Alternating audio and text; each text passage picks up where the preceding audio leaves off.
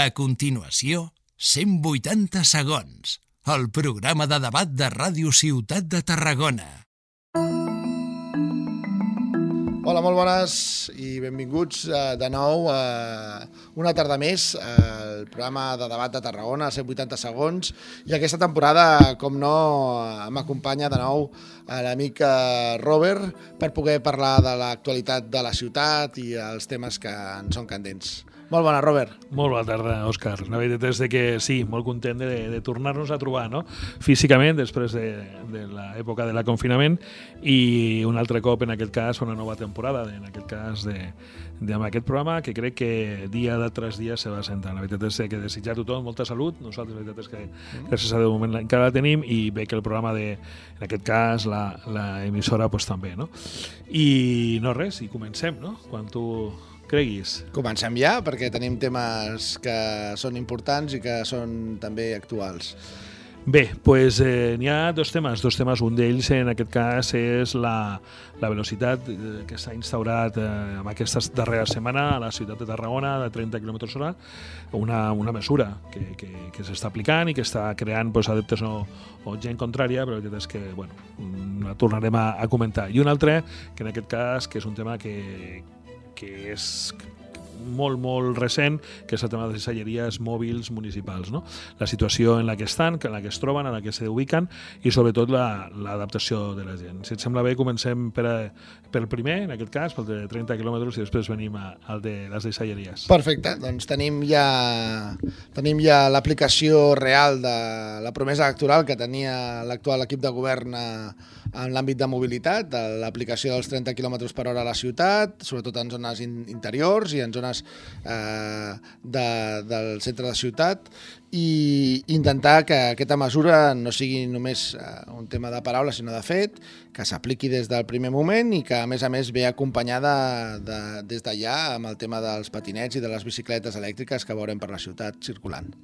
Bé, des de fa cinc anys a Tarragona es va eh, eh, posar en marxa un PEMUS, un pla de mobilitat urbana sostenible, no? i en aquest cas aquest pla ja contemplava, eh, entre altres mesures, no? notablement el com se desplaçaria la gent per dins de la ciutat amb vehicles en aquest cas i en aquest cas amb una velocitat inferior a la que en aquell moment teníem, que era de 40 km hora. En aquest cas, aquests 30 km hora s'han posat en marxa aquesta setmana i la veritat és que està aixecant ampolles i dubtes en, en la ciutadania. Bé, estem en plena pandèmia encara de la Covid-19 i el món és global i el món estem veient que està girant entorn del tema de la sostenibilitat, del medi ambient, eh, dels objectius de, de desenvolupament sostenible i això és una cosa que apliquen Nacions Unides a tot arreu.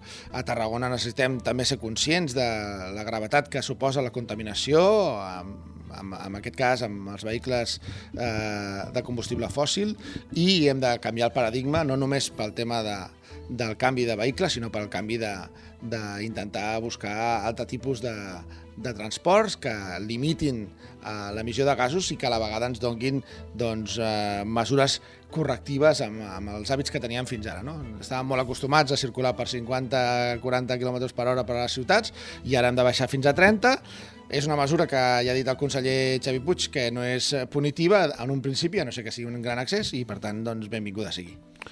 Bé, jo crec que en aquesta situació a Tarragona crec que molt, la massa social ningú, ningú dubta de que les mesures de mobilitat i menys sostenible s'han d'aplicar. És veritat que el que no s'entén és el per què es prenen aquest tipus de decisions d'una forma a vegades sense tindre més treball al davant o més treball al darrere. El mateix que al final després s'ha de contestar i s'ha de treure, la veritat és que a Tarragona aquest tipus de mesura no està a l'abast de tothom, no hi ha tanta informació com ens podem pensar i per molt que s'ompli la boca i la realitat és de que el fet de que no sigui punible ha sortit a rael d'haver fet un control possiblement en el que la gent al final se, se va assustar. Al final crec que tornem a ficar parxes sobre mesures molt importants en el que eh, estic completament d'acord amb el fons de la situació però completament en contra a la manera en la que són capaços de, de de convertir una situació positiva en una situació negativa a l'hora de portar-la a terme. Bueno, tenim el problema de sempre, no? que mai serà a gust de tots qualsevol eh, decisió que es prengui. I tindrem doncs, gent molt contenta en poder caminar per la ciutat sense trasbalsos perquè veu gent que va corrent amb el seu vehicle, o que tindrem doncs, el transport públic també tranquil perquè tothom anirà a la seva velocitat, que fins ara també era el problema que te trobaves sempre l'autobús darrere i havies de córrer i ara no podràs. Per tant, mm, bueno, el com a vegades és complicat perquè no va mai a gust de tots, com dèiem, però sí que és important el, el paradigma, no? de, de trobar-nos en un món global i ser conscients del que ens passa no només passa aquí, sinó passa arreu. I hem d'adaptar-nos, adaptar-nos a les mesures que s'estan aplicant a Europa i al reste de, de països de l'entorn. Deixar de córrer, però no un tema de, de cotxe, no, no, un tema de vida, de laboral, o sigui, intentem pausar, el tema de, de les videoconferències ha vingut per quedar-se, el tema del teletreball ha vingut per quedar-se i el tema de, de viure d'una altra manera ha de ser també quelcom que ens motivi a tots torno a repetir, Òscar, el problema no és el, el fons, el problema és com s'apliquen aquest tipus de mesures. Al final és per què les apliquem, està molt clar, jo crec que són completament justificatives, però el com, com estem fent d'una norma en què la gent estiguem capaços d'emprenyar-la. No? no hem sigut capaços de crear altres alternatives a l'hora del transport públic perquè la gent no cal que agafi el vehicle, no, no per anar a 30, sinó per no anar ni a 20. Hem de ser capaços de crear els carrils bicis que també estaven a, la, a, les llistes electorals, curiosament, de tots els partits, i cap d'ells encara de moment ha bellugat ni un dit a l'hora de les connexions entre els barris, no només de Ponent, sinó també de Llevant, etc etc. No? La veritat és que la situació que estem vivint a dia d'avui és que les mesures se van, se, se van ficant, però curiosament es fiquen... Eh, tinc la impressió, tinc la impressió com un ciutadà, que al final anem ficant eh, mesures conforme anem tapant forats. Sí, vivim en una cultura mediterrània, no? i la cultura mediterrània a vegades no, no, no sabem reaccionar d'una altra manera que no sigui amb la forma del càstig. No? I malauradament és així, ens costa, ens agrada saltar-nos les normes i és la manera d'actuar. Però eh, aplicar això sense penalitzar jo crec que és una bona mesura, però hem de ser didàctics, com bé deies, o sigui, hem d'intentar ensenyar a la gent jo recordo a mon pare explicar-li de posar-se el cinturó, perquè era una cosa que quan es va aplicar també tothom es posava a vermell, o per exemple el del moto, la moto i el casco, no? que tothom també que feia el crit al cel. Per tant, eh, benvinguda sigui. Jo torno a repetir, eh, les mesures jo crec que són necessàries, són en aquesta ciutat jo crec que, que hem començat fa molt de temps i se continua fent, hem de ser capaços com ciutadà d'entendre el per què, de que no només ho entengui jo que d'alguna manera estigui implicat en la ciutat, sinó que sigui capaç de trobar-lo també la persona del carrer i que siguin capaços d'aconseguir que aquest tipus de mesures no només es facin, sinó que més les defensin. Molt bé, doncs tenim com a segon tema el tema de la gestió de la brossa a Tarragona no? i el tema de què està passant a aquesta ciutat amb el tema de la brossa, que cada 3 per 4 ens el canvien la manera de llançar-la i la manera de, de gestionar-ho. No? I potser hem de parar tots a pensar una altra vegada què fer, no?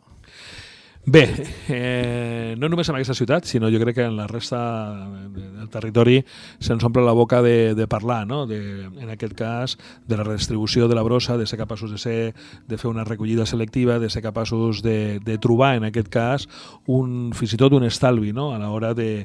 perquè tot això ens comporta, no? al final, un, un cost econòmic a l'hora de no ser capaços de, de separar aquesta, aquest residu d'aquesta brossa, etc etc. Crec que la situació que estem portant a dia d'avui és extrema i la veritat és que cal una solució ja. Sí, hi ha un, mal, hi ha un malestar veïnal, no? Hi ha un malestar de què, què passa amb la brossa. Si fem el que fem, resulta que el que dèiem en anteriors versions dels 180 segons eh, és ara una altra vegada una realitat, no? S'apliquen una sèrie de contenidors, s'han de treure, s'han de posar de nous perquè els que hi havia fa 10 anys ja no funcionen, no? I tot això comporta també un malestar. Hi ha el tema d'agost i setembre sense deixaria mòbil, o sigui, no podem llançar res. El tema dels voluminosos, el canvi eh, de paradigma, o sigui que molta cosa. Sí, no només només, en aquest cas, la ciutat, eh, només, que, no, només que, que cal donar-se una volta no només per, pels barris, que jo crec que ja és una forma exagerada de la situació en la que estem vivint. Jo crec que és una situació també del tot penós. L'educació de la gent sí que possiblement és incívica, sí que és cert que possiblement eh, no es prenen decisions a nivell que abans parlàvem en l'anterior tema, no, no, no s'està aplicant una, un sistema, en aquest cas, de multa, sinó se troba en una situació en la que cada cop és més vergonyós el veure com estan els contenidors, no només els que s'han tret, sinó que el, els, que, els que ara estan arribant, el com, en aquest cas, s'emmagatzema al costat eh, residus, en aquest cas, de matalassos, de mobles, etc etc. La veritat és de que la ciutat a dia d'avui eh, crec que el, el contracte no s'ha canviat, però no hem sigut capaços de canviar possiblement aquest, aquest concepte de residu selectiu. Sí, eh, tenim un sistema de retirada eh, que ja fa molts anys que es qüestiona, no? El tema de si es recull per al dia o per la nit, jo tinc claríssim que hauria de ser per la nit. Tenim el tema dels residus a Tarragona, que resulta que si els vols anar a llançar com a particular, ja segons quines coses no te les deixen llançar a la deixalleria i has de demanar al telèfon verd que et vinguin a buscar els voluminosos a sota de casa quan és un estorb per a la circulació de les persones i de, inclús dels vehicles. No? I tot això està gestionat d'una manera com, com, com, com s'ha fet sempre, no? i del, de, del que no hem pogut encara millorar eh, aquest tipus de, de recollida. Jo crec que és important que fem una parada, que mirem com ho tenim i que facilitem al màxim possible que el ciutadà pugui llançar la brossa d'una manera correcta i una manera simple i que quan tingui necessitat que la pugui portar on te calgui i quan no, doncs que hi hagi algú que s'encarregui de recollir-ho, ja està. Jo crec que independentment de tot això, Òscar, que crec que és positiu, també és positiu el fet de l'educació que tinguem. No, no s'inverteix, no s'inverteix en una educació de com i què. Hem de pensar que sí que és veritat que hi ha gent nouvinguda i en aquesta gent nouvinguda té unes, té un, té unes maneres de fer diferents als que tenim nosaltres. I també se'ls ha d'educar i també se'ls ha d'explicar per cada, per cada container per lo que és. Però torno a repetir, és que jo crec que és una manera de voler fer-ho. Al final estem tapant forats, estem, vull dir, cada cop que segurament parlo a nivell personal, eh? cada cop que he trucat, la veritat és de que han intentat, si no solucionar-lo aquell dia, el dia següent solucionar-lo. Però jo crec que no es tracta d'aquesta.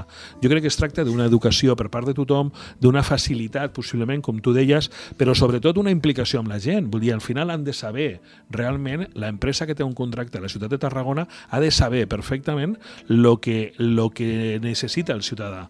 Eh, això que m'estàs explicant de la deixalleria, la és que ho desconeixia, però me sobta tant que la veritat és que és al final anar contracorrent d'algú que estem demanant.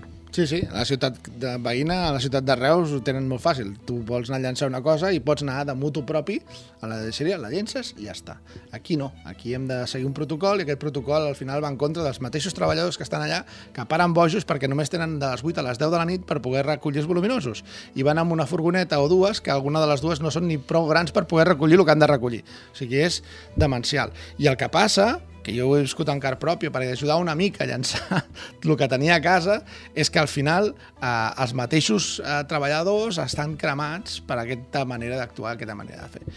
Per tant, busquem la manera de fer-ho bé. Jo parlaves abans d'una policia verda, home, doncs jo prefereixo una policia verda que no una tricòrnia, no? Segons quines coses segurament anirien millor.